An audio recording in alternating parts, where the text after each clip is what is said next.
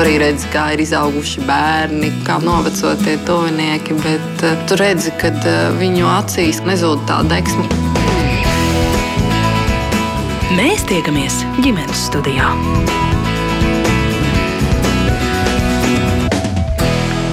Labdien!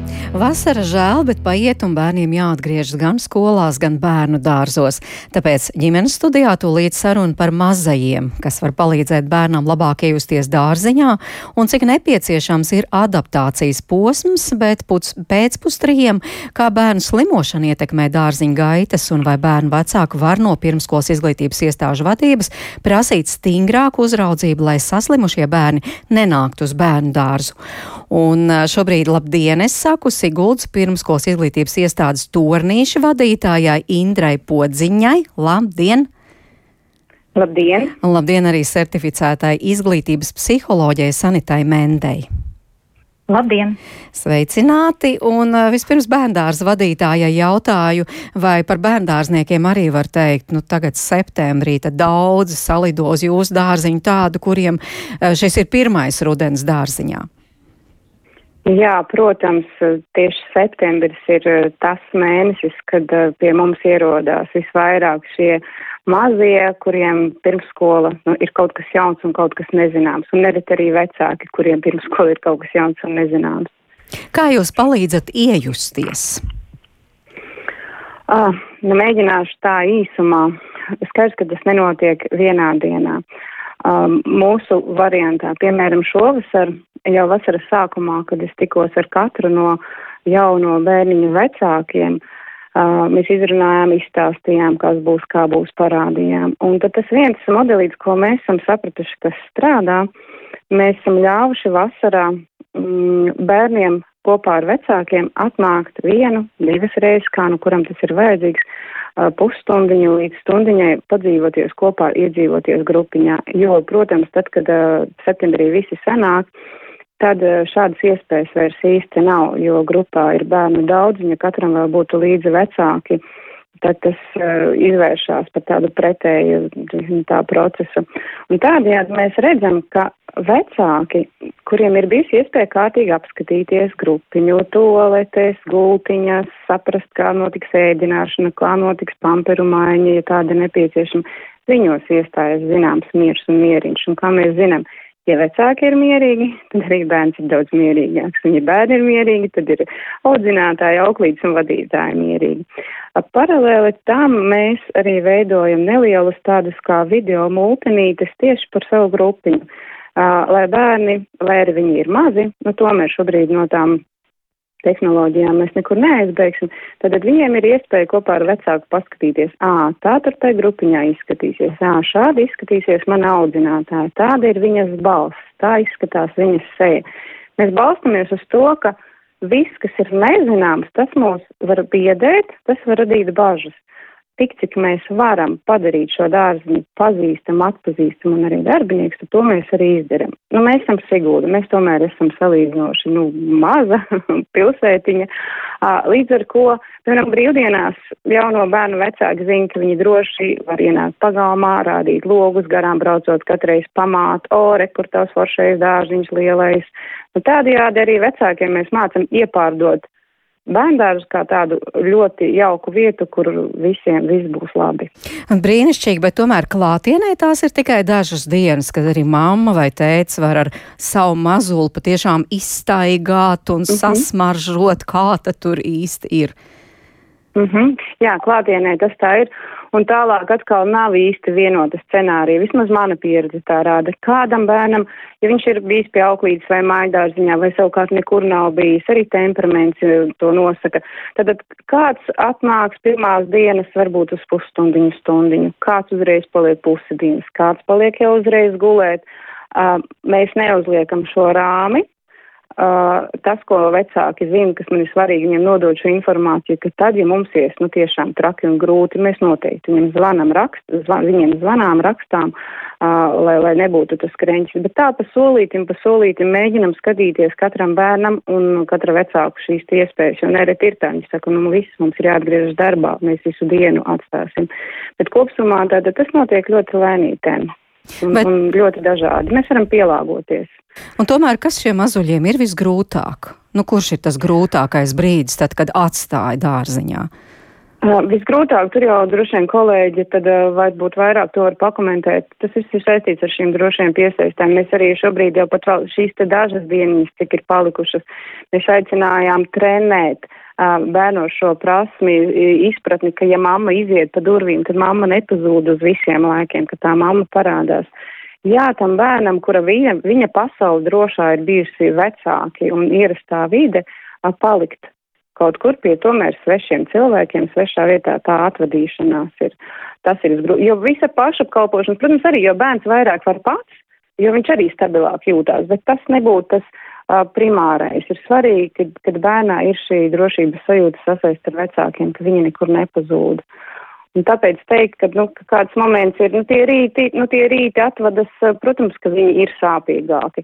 Bet lielai daļai tomēr ļoti ātri tas, tas mazinās, mazinās, mazinās, un, un, un tā rīta asara jau tad vairs ir tāda arvien īsa brītiņa, kas ir normāli, ja viņam sāp sirsniņa par to, ka viņam ir jāatvadās uz to brīdi. Sanīt, jūs kā psiholoģi varētu droši vien papildināt, kāpēc tam mazajam cilvēciņam tas ir tik grūti, jo varētu teikt, ka tas viņam ir jaunas dzīves sākums. Um, viennozīmīgi, nu, līdzīgi arī kā vecākiem varbūt šajā situācijā. Um, es teiktu tā, ka um, droši vien, ka nu, tās grūtības tās būs individuāls, jo ir bērni, bērnu tās pielāgošanās spējas jaunai situācijai, jaunai vidē ir ļoti dažādas, tāpat kā mums pieaugušiem. Bet um, būs bērniņi, kas varbūt. Uh, tā kā smagāk pārdzīvo šo te, šo te jaun, jaunās vidas um, ienākšanu savā dzīvē, un ir bērni, kuri pielāgojas vieglāk un ātrāk. Tā kā šis būs droši vien tāds ļoti individuāls. Bet, nu, kā jau uh, kolēģi minēja, man, man prieks, ka Siguldā uh, tiešām piedomā pie tā, kā bērniņam tā kā iejusties. Uh, kā jau kolēģi minēja, tad um, tas ir ļoti atkarīgs no tā, kā kā vecāks pats jūtās un, un kādu informāciju viņš tiešā vai netiešā veidā nu, kā, nodot savam bērniņam par, um, par to, kā, kā noritēs viņa dzīve bērnu dārzā. Un, uh, ja sākumā bija tas jautājums, vai adaptācijas periods ir nepieciešams, tad man tā kā gribējās uz to arī atbildēt, ka īstenībā no viņa nav iespējams izvairīties, jo tas ir posms kādam bērnam īsāks, kādam garāks, kamēr viņš pielāgojas šīm te lielajām izmaiņām savā dzīvē. Un cits ir jautājums droši vien tas, kā izglītības iestāde um, kādus pasākumus tā kā organizē vai, vai ko tieši tā kā veids un ko dara, lai bērnam atvieglotu šo procesu. Mēs jau arī daudz dzirdējām, tiešām bērndārs mm -hmm. vadītāji arī stāstīja, nu tādas mm -hmm. niansītas, kas tiešām var palīdzēt eh, bērnam ik pa laikam rādīt, lūk, tas būs tavs bērndārs, lūk, tā būs tava audzinātāja, eh, te tu iespēlēties, varbūt iegriezties bērnu laukumā un tam līdzīgi. Ko jūs vēl varētu papildināt, kā tiešām arī paši vecāki varētu palīdzēt savam bērnam? Mm -hmm varbūt jau pirms tā adaptācijas posma, un arī tad, kad bērniņš jau sāk iet mm -hmm. bērnu dārzā? Vecāki patiesībā var darīt ļoti, ļoti daudz.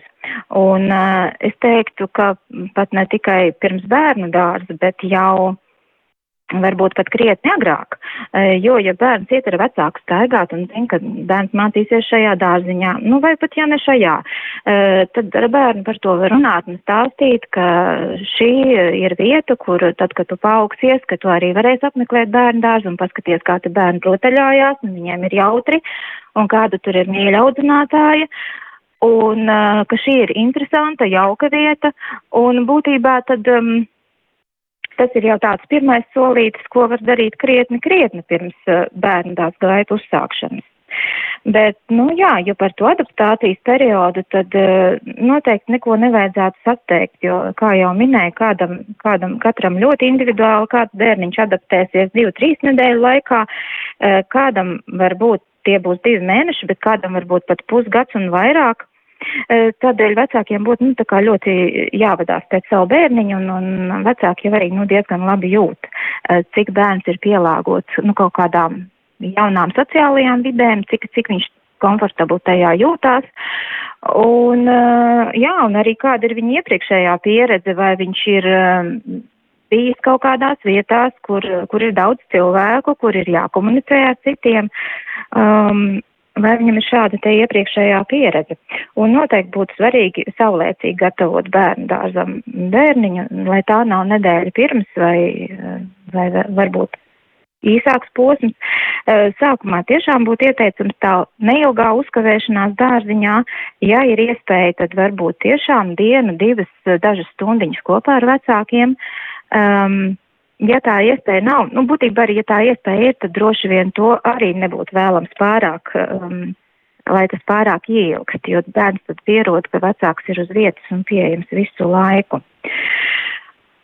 Un būtu ļoti svarīgi, lai bērnam ir um, tā sajūta, ka mamma vai tētis vienmēr atnāks pakaļ, ka viņš ir viss, vissvarīgākais un, uh, lai tās atvadas tiešām arī varbūt neieilgs bērnu dārzā, tad pasakam, ka lai ir laba diena, iedodam bučiņu un tā. Um, Lai gan, protams, to e, varbūt ir emocionāli vecākam dažreiz grūti izdarīt. Un, ja ir tā sajūta, ka, teiksim, mammai varbūt ir grūtāk atvadīties no bērna, ja arī tā var būt, tad varbūt tētis var nākt pakaļ vai vest uz dārziņu. Mm -hmm. Un, uh, jā, jo kā jau jā. dzirdējām, direktori teica, ka tas brīdis tiešām bērniem ir visgrūtākais tā atvadīšanās, un arī vecākiem mm -hmm. iespējams tiešām sevišķi, kad bērniņš vēl iet uz bērndārzu, varbūt nevienmēr mm -hmm. grib iet un pasaka, nē, es tur iekšā neiešu un tam līdzīgi, nu tad tās sirdis lūst. Protams, bet šeit ir arī ļoti svarīgi, ar kādām emocijām vecāks pats ved bērnu uz dārziņu, jo ja vecāks pats ir satraukts un noraizējies, tad, eh, tad arī bērns pārņem šīs te emocijas un um, viņam nav tāda drošības sajūta, ka, uh, ka viss būs kārtībā, ka viņš būs labā, drošā vietā. Un ļoti arī svarīgi, nu, ja, ja saka bērnam, ka nākšu pakaļ tajā laikā, tad tas varbūt uz lielākiem bērniem, ka to pulksteni pazīst, bet arī mazākiem bērniem var kaut kādus orientierus dot, nākt pakaļ tad, kad ir solīts, kad ir runāts, lai nav tā, ka bērns paliek pēdējais grupiņā. Tas būtu ļoti būtiski, nu, ja par tādiem ieteikumiem vecākiem un um, vismaz tajā adaptācijas periodā būtu ļoti būtiski, lai vakarā bērns tad saņem savu krietnu un nedalītas uzmanības devu, lai vecāks atrod laiku samīļot, aprunāties, paprasīt, ko tu esi iemācījies, varbūt tu vari kaut ko parādīt.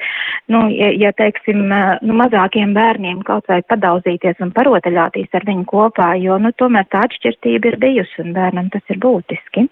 Indra, jums te vēl kas piebilstams tieši par vecākiem domājot un runājot?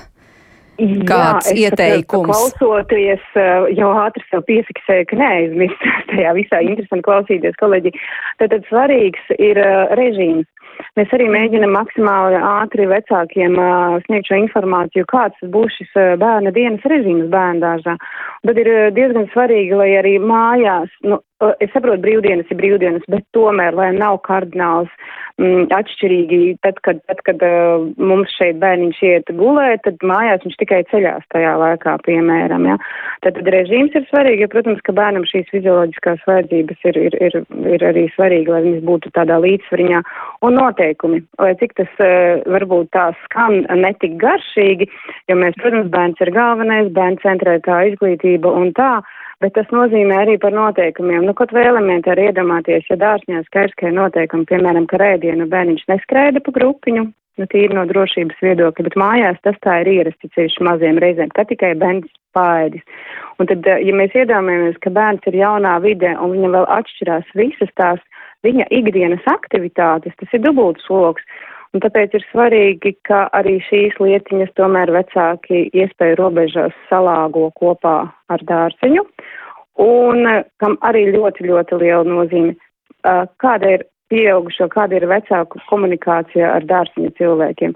Ja es smaidot nāku un saku labrīt, viss ir kārtībā, arī vairāk vai mazāk. Ja es jau vakarā bubinu, kā man riebjas tā audzinātāja, nu nebūs labi. Tāpēc mums jāmēģina jāmeklē šī komunikācija, lai viņa tiešām ir uz pozitīvas nots, lai tas bērns, viņš jau mūs nolasa, uh, lai acīm redzot, kāpēc viņam iet uz kādu vietu, kas vecākam nepatīk. Pieņemsim, jā. -hmm. Tad tas tāds absurda situācija veidojas. Nu, šie te tātad režīms, noteikumi un pašiem pozitīvā attieksme pret to, to uz kurieni mēs vedam to bērnu. Mm, jā, izklausās labi, Jā. bet tiešām mamām arī tā sirds drēb. Nu, piemēram, klausītāja Inīta mums raksta, man jāatgriež darbā novembrī. Ar bažām gaidu šo laiku, jo bail, ka Covid dēļ adaptācijā nevarēšu kā vecāks būt klāt. Vai arī pavisam nesen kāda Twitter māma Twitterī rakstījis, šodien man nolaidās rokas. Dēls tik bailīgs dārziņā. Šodien bija tikai divi zēni, kurus viņš redz jau otro nedēļu, bet lielāko daļu tāpat man sēdēja klēpī. Kliedz, ķeras biksēs, es nezinu, ko esmu uzaudzinājusi. Mm -hmm. Jā, es, es varbūt mazliet varētu pakomentēt, jo eh, par to, ka vecākiem var būt raizes, ja viņi nevar būt klāt, tad tas, ko viņi var darīt, nu vismaz adaptācijas posma laikā bērnam dot līdz kaut kādu mīļmantiņu, kas ir tā kā savā ziņā kā nu, kā tāds pārējais priekšmets, kas varbūt simbolizē kaut kur uh, to mammas emocionālo tuvumu. Uh, jā, to tā kā tas, tas varētu būt tāds viens no risinājumiem. Mhm, tā bija. Jā, uzrī, jā lūdzu, lūdzu, jā, lūdzu.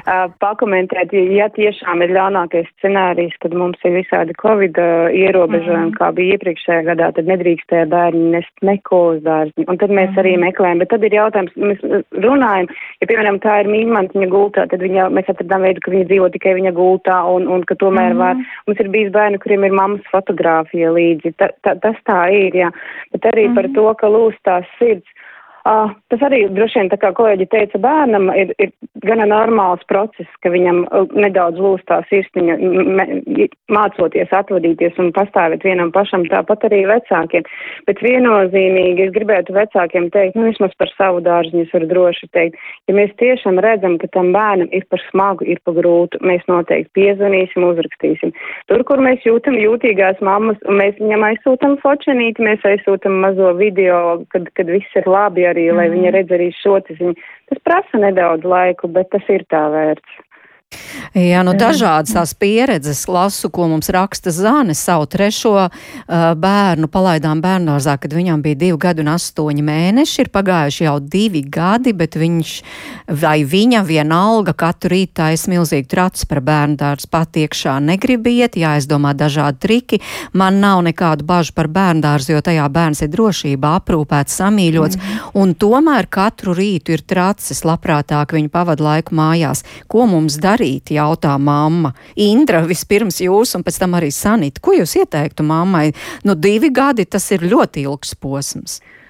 Tas ir ļoti ilgs, bet droši vien tā mana atbilde nesniegs vajadzīgo, nu, tādu atbildi kā gaida, jo nezinot situāciju, pirmkārt, jā, nu, ne pirmkārt, viens ir tuvākais saruna ar audzinātājiem, lai saprastu, kas tad notiek pa to dienu, vai tikai tas ienākšanas brīdis ir, kas nereti var gandrīz kā tāds rituāls varbūt izveidojas, vai tā ir visa diena, kad tas bērns jūtās slikti. Ja ir nav bažas par drošību, bet vienalga, nu, nu ejiet pie vadītājas, skaties, ja ir arī, piemēram, iestādē psihologs, tā kā mums arī mums ir situācijas, kas mēs lūdzam psihologu ienākt pavērot grupu, lai saprastu, kas varbūt kurš slēdzītis nesaslēdzās vai kurš pa daudz saslēdzās un kas to, nu, kas to rada.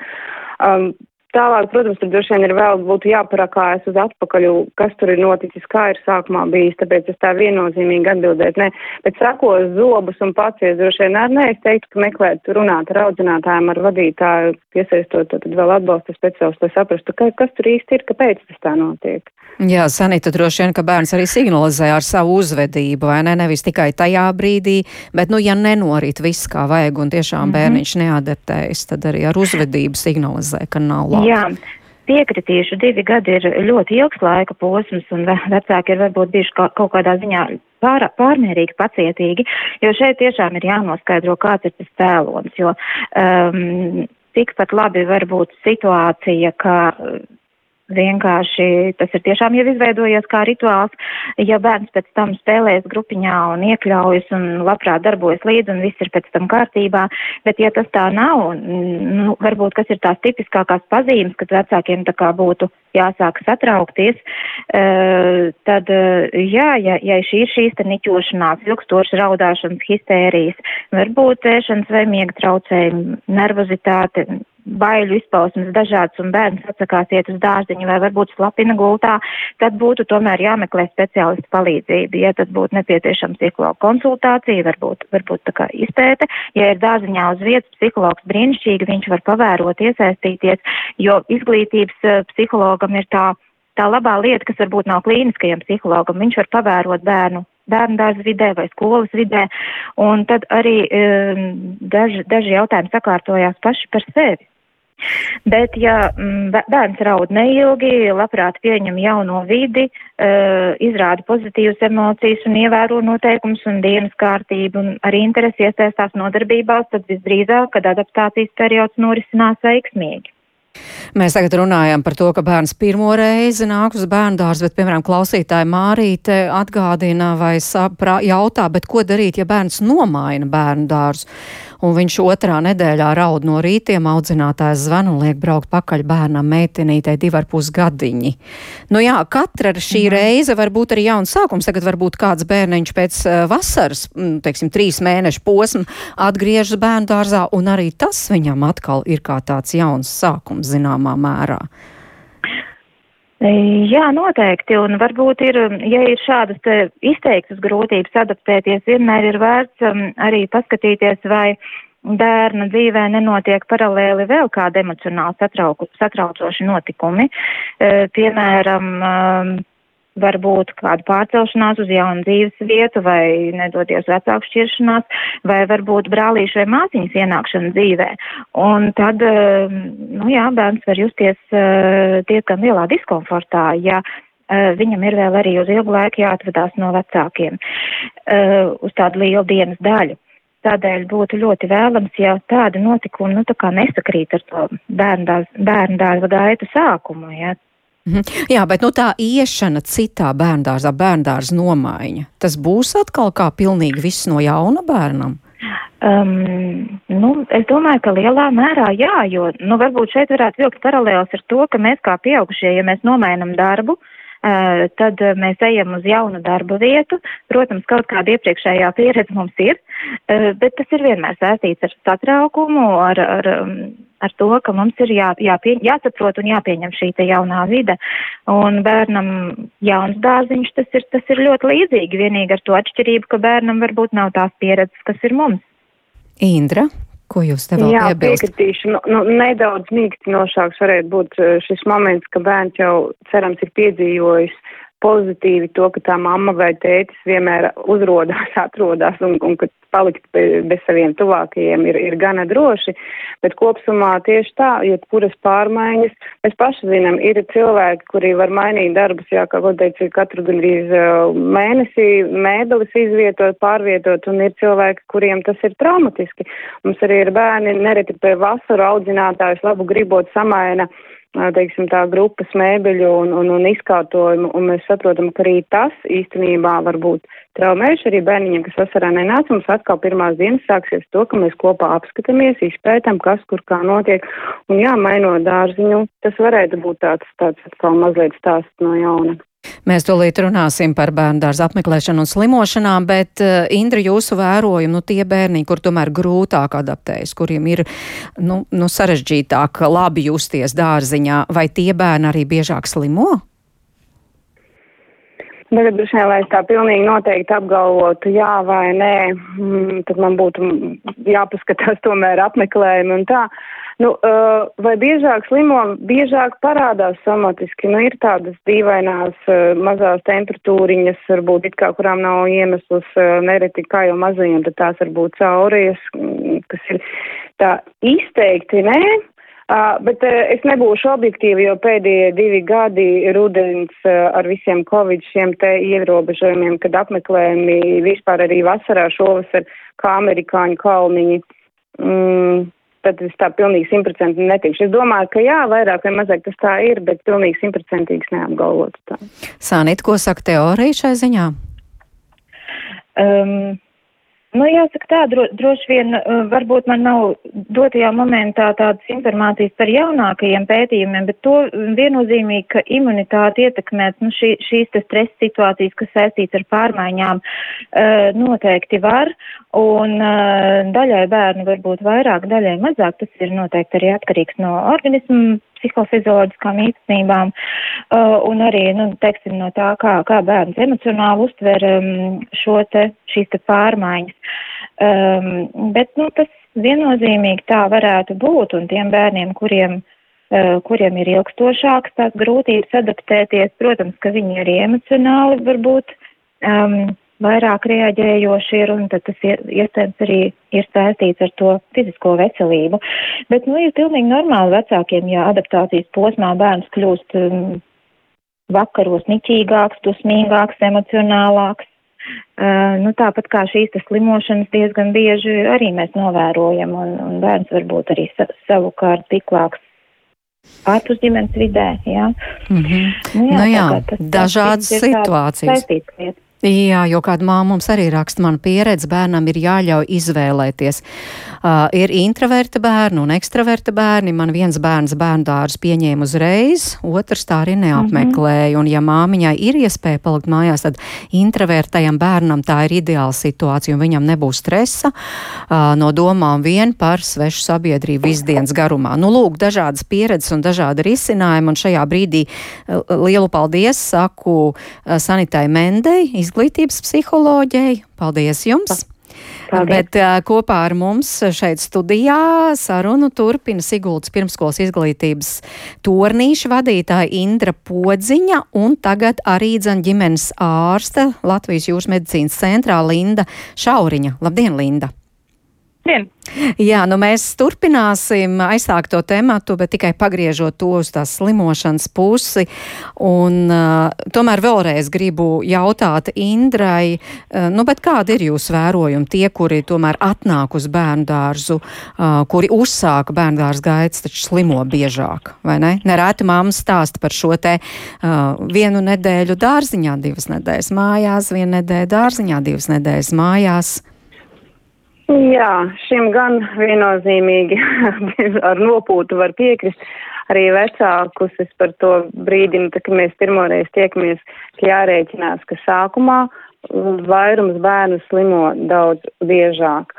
Uh, un, un, un šobrīd, kad mēs labu laiciņu tomēr vēl dzīvojām izolētāk un mazāk uh, varbūt sabiedrībā apgrozījāmies, tad, protams, sanāko dārziņā, te ir viss kopā, droši vien katrs ar savu labumiņu nedaudz. Uh, Protams, arī šīs emocionālais foniņš un tā slimošanas nereti tiešām ir tāds, ka septembrī mēs vēl turēsimies, oktobrī apmeklējums diezgan kritīsies, tad decembrī mums atkal būs uh, labāks apmeklējums, un tad šādi te mēs jau esam nu, arī novērojuši tās, tas droši vien ar sezonalitātes visām šīm te saslimšanām ir saistīts. Jā, mazie, mazie vispirms izslimojās viena liela daļa diezgan pamatīgi.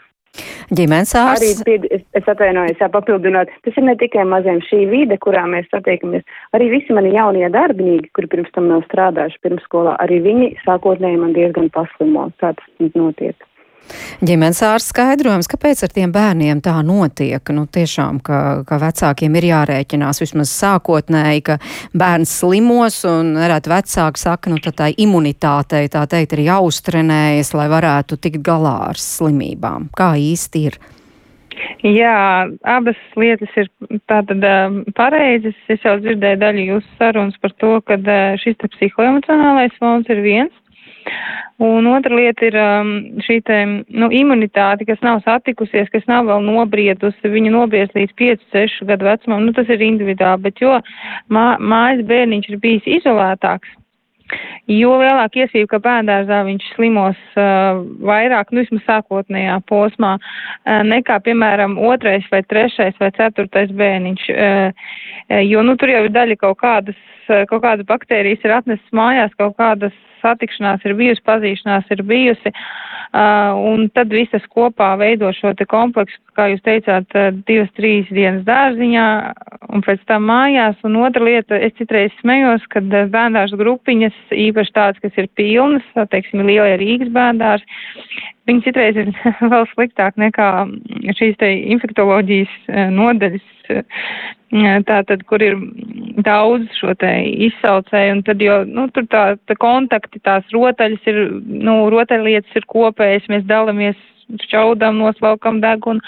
Tas viss, nu, bērniem vēl nav attīstīts šīs te roku mazgāšana, divas audzinātājs to nespēja. Un tad tas viss veido tādu kopumu, kas, um, nu, rada vidi, labvēlīgu vidi visām baktērijām un biežāk slimojam. Kuras ir tās slimības, kuras tā ātrāk pieķers un ka tur tiešām nu, ir skaidrs, ja viens saslims, tad tur gandrīz visa grupiņa slimos? Nu, droši vien biežākās ir rotavīrus, šis te pats Covid vairāk vai mazāk. Tādā, nu, sākuma pirmajās ilītes grupās principā gan arī katrs iesnes vairāk vai mazāk būs visiem izteikts. Un vēl maziem bērniem ir um, šaurāki šie te, piemēram, um, elpošanas ceļi, uh, līdz ar to ir grūtāk izšņaukt degunu, tās saslimšanas vēlkās ilgāk, un tas arī ir viens no faktoriem. Bet, uh, principā, jebkurš, nu, tajā silītes vecuma grupā, principā, rotavīrus un jebkuras iesnes var jebkuram pielikt tieši šo te, nu, saskaras dēļ un, uh, un kopējas rotaļlietas konjunktivīti, jā, kas arī ir bieži un bērnu vecumā. Nu, bet kuras tad ir tās situācijas, kad jūs kā ārsts sakāt, nu, nē, mīļie, šajā brīdī tad tomēr bērniņus bērnu dārzu nevediet? Noteikti tā ir paaugstināta temperatūra virs 37,5. Nu, bērniem arī parasti šīs te temperatūras reakcijas ir izteiktākas. Tur jau parasti arī ir tie 37,5 caurēji, vemšana, konjunktivīts. Nu, atsevišķi mēs izvērtējam klepu, jo klepas var būt arī alerģisks, ja. Bet, nu, caurēji vemšana, konjunktivīts, tas noteikti viennozīmīgi paaugstināt temperatūru, covid simptomātika noteikti ir tie, kur vienmēr vienmēr paliekam mājās. Indra, jums arī ir savām, jūs dodat savām bērndārza audzinātājiem kādus norādījumus, kuros gadījumos tomēr labāk pateikt vecākiem, ka bērniņi jāved uz mājām? Jā, šis mums ir tāds karstais kartupelis, ko mēs te visi nereti stumdam un bakstam. Kā jau daktari teica, tas viss, ko nosauc, jā, tas ir tādā pamatīgā bučetē pie mums arī reizēm novērojams. Um, ir brīži, kad mums lielāki bērni arī tā arī saka, jā, man iedeva zālītes vai ko, jo mēs cilvēcīgi varam saprast, ka vecākam jāiet darbā, bet, diemžēl, tas nav godīgi pret ap kā pārējiem. Mums ir, mēs esam informējuši gan vecākus, gan arī audzinātājs auklītes. Es zinu, tieši tā viens ir šī te paaugstinātā temperatūra. Ar tām iesniņām, no tur mēs balansējam uz naža asmens, tāpēc, ka ir viena virkne bērni, kuriem mums nāk šī ziņa, ka ir alerģiskās, ir kuriem tāds nedaudz, nedaudz slapjais deguns, viņš ir gan arī visu cauru gadu, tāpat kā pieaugušajiem. Bet mēs ļoti skatāmies vēl kontekstā bērna pašsajūti. Ja mums bērns, eh, nu, mēs arī, nu, var jau redzēt, ka bērniņš ikdienā nāk, ja viņa uzvedība ir mainījusies, viņš ir miegaināks vai gluži otrādi raudulīgāks vai nē, vai negūt, tad, tad, tad tas ir viennozīmīgi skaidrs, ka jāmēr tās temperatūras, tās mēs šobrīd darām daudz biežāk. Ir diezgan bieži šīs situācijas, kad uh, mums ir dārziņā arī medmāsa uz vietas, uh, kad, kad nākas zvanīt vecākiem un sakam, stop, šis, šis ir pa daudz. Jā, šīs vemšanas cauries, vēl dīvainās pumpas, ar kurām mēs arī nu, tā diezgan, diezgan ātri reaģējam. Un tad sakam, ka vispirms vērsieties pie ģimenes ārsta uh, un konstatējam, vai tas ir lipīgs vai nav lipīgs. Tad viss, kas par infekcijas slimībām var liecināt, tas mums tāds sarkanais signāls ir. Jo katra bērna slimošana izjauc ģimenes dzīves kārtību uz ilgāku laiku, tā Agnesē Linkai stāsta trīs bērnu māma Linda. Pirmo gadu pēc bērnu palaišanas bērndārzā faktiski 90% laika viņa strādāja no mājām, un tas bija apgrūtinoši pašai, liels stress, kā tikt galā ar slimo bērnu darba pienākumiem. Bērns šajā laikā daudz laika pavadījis pie ekrāniem, jo mamma nespēja ar viņu pilnvērtīgi nodarboties. Mazajām bieži bija jālieto medikamenti, tostarp arī antibiotikas, kas atstājas ietekmi uz viņu veselību veselību, un mazais atpalicis no saviem vienaudžiem arī mācībās, jo māma nespēja to nodrošināt tik kvalitatīvu kā dārziņā. Un tāpēc arī Linda ir liels, liels rūgtums, ka citi vecāki ved savus atvasus uz bērnu dārzu ar acīm redzamām slimības pazīmēm. Klausāmies viņas stāstu. Mums šis jautājums ir tiešām diezgan sāpīgs, jo tā situācija ir tāda, ka mēs kā trīs bērnu ģimene izbaudām šīs slimošanas ļoti, ļoti intensīvi. Jo mums jau vecākais bērns dārziņā iegūst šīs slimības, pēc tam atnes viņas mājās, un tālāk pa ķēdīt aiziet arī uh, mazākie brāļi. Un līdz ar to principā, mēs esam tādā nepārtrauktā aburtā lokā, kad viens attiecīgi vecākais bērns slimību atnes, un tā mēs vienkārši ejam par īņķi un slimojam un slimojam. Un, nu, nezinu, vai vecākiem bērniem ir sliktāka imunitāte kā citiem vai kā, bet nu, mums tiešām, diemžēl, bet sanāk saslimt ar visām slimībām, kas cirkulē dārziņā, konkrēta grupiņā ja kāds bērniņš atnāk slims, tad nu, nedēļas laikā noteikti ir slims arī mūsu bērns. Tad, attiecīgi, šī slimība atnāk uz mājām un slimo visi pārējie. Līdz ar to, protams, ja tiktu šīs saslimšanas konstatētas ātrāk un tiktu palūgts vecākiem, lai tomēr šie slimie bērniņi nenāk uz dārziņu, tad es domāju, ka daļai arī mums šīs slimības tiktu uh, aiztaupītas. Bet nu, šobrīd, diemžēl, tas tā nav. Mēs diezgan daudz tomēr šīs slimības mājās uh, sagaidām, saņemam un, uh, un attiecīgi daudz ļoti slimojam.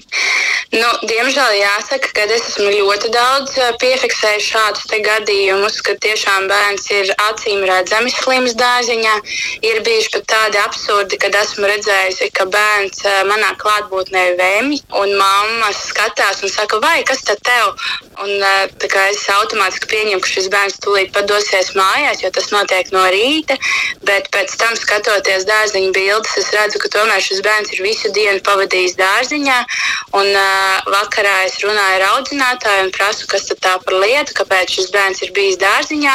Uz ko man audzinātāji atbild, ka uh, ir vecākiem lūgts bērnu vest mājās, bet vecāki nav ņēmuši vērā šo lūgumu. Un uh, bērns visu dienu ir pavadījis dārziņā. Kā rezultātā, protams, ir slima pēc tam arī audzinātāji un arī daudz citi bērni. Līdz ar to jāsaka, ka šī visticamākais ir ārkārtīgi milzīga vecāku bezatbildība. Jo es, protams, ka saprotu, ka situācijas ir dažādas, nevienmēr ir iespēja šo bērnu varbūt turēt mājās bet tā ir ārkārtīgi bezatbildība ne tikai pret savu bērnu, jo, protams, arī bērns jūtas ārkārtīgi slikti, atrodoties dārziņā slims, bet tā ir arī ārkārtīgi liela bezatbildība pret citiem vecākiem un tāpat laikā arī audzinātājiem un auklītēm, jo nu, šādas slimošanas, kas ir piemēram vēdera vīrus, tas ir neizbēgami. Vienkārši ar to saslimst arī lielākoties visas ģimenes, kur bērni ir apmeklējuši dārziņu kopā ar slimo bērnu. Jo, nu, manā pieredzē imunizēt, tur ir tiešām, man liekas, jābūt ļoti, ļoti stiprai imunitātei, lai tomēr nesaslimtu ar vēdera vīrusu. Nu, konkrēti šajā gadījumā par vēdera vīrusu runājot, bet es esmu ļoti daudz reizes piefiksējis arī to, ka bērni ļoti spēcīgi klepo ar ļoti sausu tādu nu, dzirdami, neveselu bērnu klepu, un arī bērni vienkārši nāk uz dārziņu, un nu, šis tiek tolerēts. Nu, man šķistu, ka uh, noteikti būtu jābūt stingrākai uzraudzībai. Plus es teiktu, ka iespējams būtu jāpiesaista medicīnas personāls, kas kaut vai, ja ne katru dienu, tad uh, kaut vai reizi nedēļā veids kaut kādu vispārējo veselības pārbaudu grupiņā, konstatē, piemēram, nu, šo saslimšanas faktu, un tad par to ziņo vecākiem. Es uh, domāju, ka būtu jābūt viennozīmīgi stingrākai nostājai, ka bērni slimi nedrīkst atrasties dārziņā. Un, uh, nu, pat nezinu, iespējams, ja tiešām vecāki neuzskata par vajadzību bērnu vest projām, tad iespējams, lai cik skarbi tas izklausītos, šis bērns būtu uz to dienu, iespējams, jāizolē no konkrētās grupiņas, varbūt jāved, nezinu, sēdēt uz skolotāju istabu vai tam līdzīgi, lai tiešām izvairītos no tā, ka pārējie bērni tiek aplepināti. Un, un nākamajā dienā tad vienkārši vecākiem ir jāsaka, ka mēs šo bērnu, kamēr viņš nenāk atpakaļ ar ārsta zīmi, kas apliecina, ka bērns ir vesels, vienkārši grupiņā neuzņemam. Tas būtu mans ieteikums. Nu jā, par šīm ārstu zīmēm arī šobrīd tā situācija ir tāda, ka ģimenes ārstam ir jāizvērtē bērna stāvoklis pēc slimošanas, ja bērns ir projām no dārziņa ilgāk kā trīs dienas šķiet, un tad jādod akcepts vai atzinums, ka bērns ir vesels un viņš var atgriezties dārziņā. Bet mēs jau zinām, ka tas tā īsti nenotiek. Jā, diemžēl to es esmu viennozīmīgi piefiksējusi, kad uh, ārsta zīmes patiesībā var iegūt vienkārši WhatsApp uzrakstot, uh, kad uh, nu, vajadzīga ārsta zīme, varat atstāt reģistratūrā un ārsts uzrakst, jā, labi, atstāšu, kad netiek pat īsti vaicāts, kas par vainu, kāpēc bērns ir bijis mājās, un bērns reāli arī netiek atrādīts ārstiem. Diemžēl tā tas arī ir. Jā. Es patiesībā ar audzinātājiem par šo tēmu esmu ļoti runājusi, un viņas arī ir norādījušas to, ka, protams, ka viņas nav ārsti un viņas nevar īsti izvērtēt, jā, vai šī ir kārtīga saslimšana vai tā ir tikai saaugstēšanās. Un es absolūti to saprotu, un es viņām arī piekrītu, ka viņām tas arī nebūtu jādara, bet tāpat laikā Es domāju, ka, ja tiešām ir dzirdams tāds izteikts savs klepus, tad audzinātājām būtu jāvērš uzmanības to, jo es piekrītu, ka var būt situācijas, ka tiešām no rīta bērns ir aizgājis uz dārziņu, nav nereizi klepojis, un pēkšņi dārziņā tiešām šī klepus lēkme sākās. Bet audzinātājām būtu, manuprāt, obligāti jāpainformē par to vecāki, un būtu jālūdz vecākiem tomēr nu, šo ārstu apmeklēt un pakonsultēties par bērnu veselības stāvokli. Mm. Bet tas tā vienmēr notiek, šaubos. jo es, protams, saprotu, ka daudzinātājiem arī ir pietiekami daudz. Uh, nu, jau tāda ikdienas darba uzdevuma varbūt arī ir grūti vienmēr piefiksēt šos slimos bērnus, un kas ir klepojis un kas nav klepojis. Bet uh, nu, visticamākais, ka uh, nepiefiksējot šīs situācijas, noteikti kaut kur tas vīrus arī aizceļo pa grupiņu.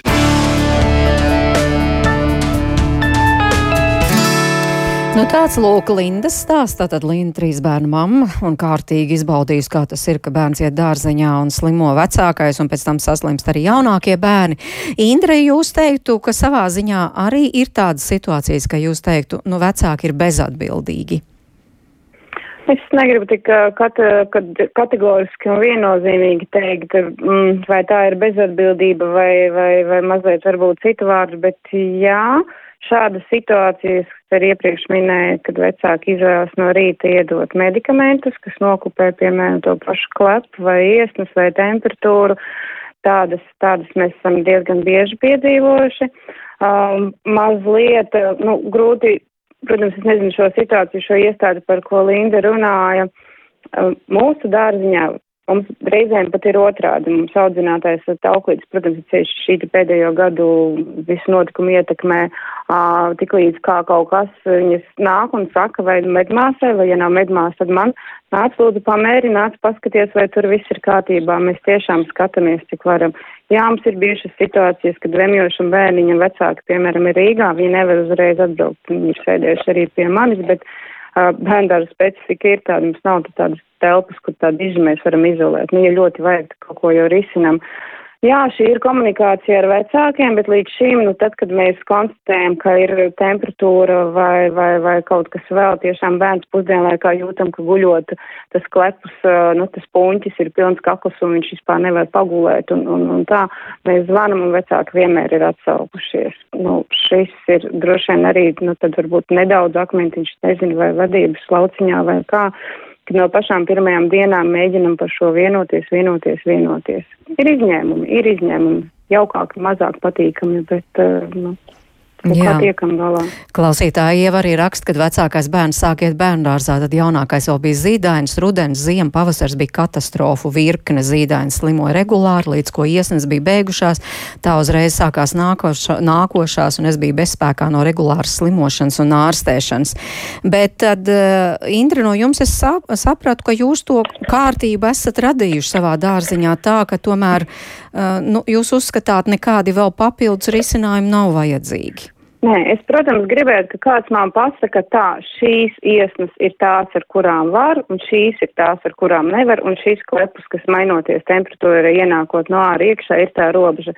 Mēs arī nemitīgi par to diskutējam un, un mēģinam katrā gadījumā, nu, ielīst gan arī tai bēdiņā iekšā un situācijā, lai saprastu, jo, kā jūs teicu, nu, tās, tās iesnas, tie tekošie deguni, ja mēs pasakām, ka vispār nevienam bērnam nedrīkst būt vismazākās iesniņas, tad mēs principā gandrīz vispār varam aiztaisīt dārzu. Tieši tā. Jā, nu, doktor nu, Šauriņ, jā, gribu dzirdēt jūsu komentāru. Jā, jā. lūdzu. nu, es ar kā trīs bērnu mammu saprotu lieliski, lieliski runājošo mammu, bet uh, man jāsaka, mēs dzīvojam sabiedrībā, mm, kur nereti ir viedoklis, ka mums ir tikai uh, tātad tiesības un nav pienākumu. Un, uh, un kaut kur, nu, viens dzīvo viena, vienā pusē un otrs otrā pusē, un kā jebkurā sabiedrībā ir dažāda izpratne un dažāda veselība pratība, un ja mums tā veselība pratība sabiedrībā būtu augstāka, mēs iespējams nenonāktu līdz situācijai, eh, kad bērns ir jādod slims dārziņā. Vēl viena lieta ir mm, šis te sociālais fonds, ja, jo ne visi vecāki ir nodarbināti legāli, tātad ne visiem vecākiem pienākās darba nespējas lapa. Darba nespējas lapa ir ierobežota apmaksāta divas nedēļas, ja, kas bērndārzā, kā jūs saprotat, citreiz ievelkās. Un visi šie te faktori, ja tu tikko esi bijusi uz slimības lapas un jāņem nākamā, nu, ietekmē šo te uzvedību attiecībā par skatīšanos un šo te zīmju pasūtīšanu. Mm, Jāsaka tā, ka situācijas tāpat kā bērndārzā ir dažādas arī ārstu kabinetā. No savas puses var teikt, ka mēs ļoti cenšamies bērnu apskatīt vismaz vienu līdz divas reizes. Uh, Nu, var gadīties, piemēram, situācija, kad bērns ir, nezinu, antibiotiku lietošanu, viņš ir tiek apskatīts, un tu saproti, ka vēl divas dienas ir jāpabeidz šis te kurs, bet, nu, principā, nu, savādāk viņš ir laižams uz dārziņu, tad, protams, tā zīme tiek iedot tā kā nedaudz uz priekšu. Bet uh, citādi jau tomēr mēs cenšamies skatīties. Es nevaru to pateikt visu Latvijas ģimenes ārstu vārdā, bet uh, viennozīmīgi mēs cenšamies tos bērnus apskatīt. Un tāpat mēs zinām, kuri vecāki mēdz rīkoties tā kā mamma mm, tā kā stāstīja, nu, kad aizved pusslimu, slimu, mēs jau tā uzvedība jau nemājās arī ārsta kabinetā, viņi ir tāda pati arī ārsta kabinetā, un mēs šos te vecākus zinām, un tos arī tomēr cenšamies uh, apskatīt praksē, un šīs te zīmes pa telefonu neizsniedzam, bet uh, tas droši vien nav attiecināms uz visām praksēm vai visām ģimenēm, tā kā, jā, tas būtu droši vien jautājums par, bet tā būtu tāda sabiedriskā audzināšana, veselība, pratība. Es nedomāju, ka jauni normatīvie akti izmainītu sabiedrības, teiksim, nu, tādu uzvedību, uzvedības modeli, e, pie tā ir jāsādā pašai sabiedrībai un, un jāsāk izglītoties, varbūt, ja mēs tā to varētu nodefinēt.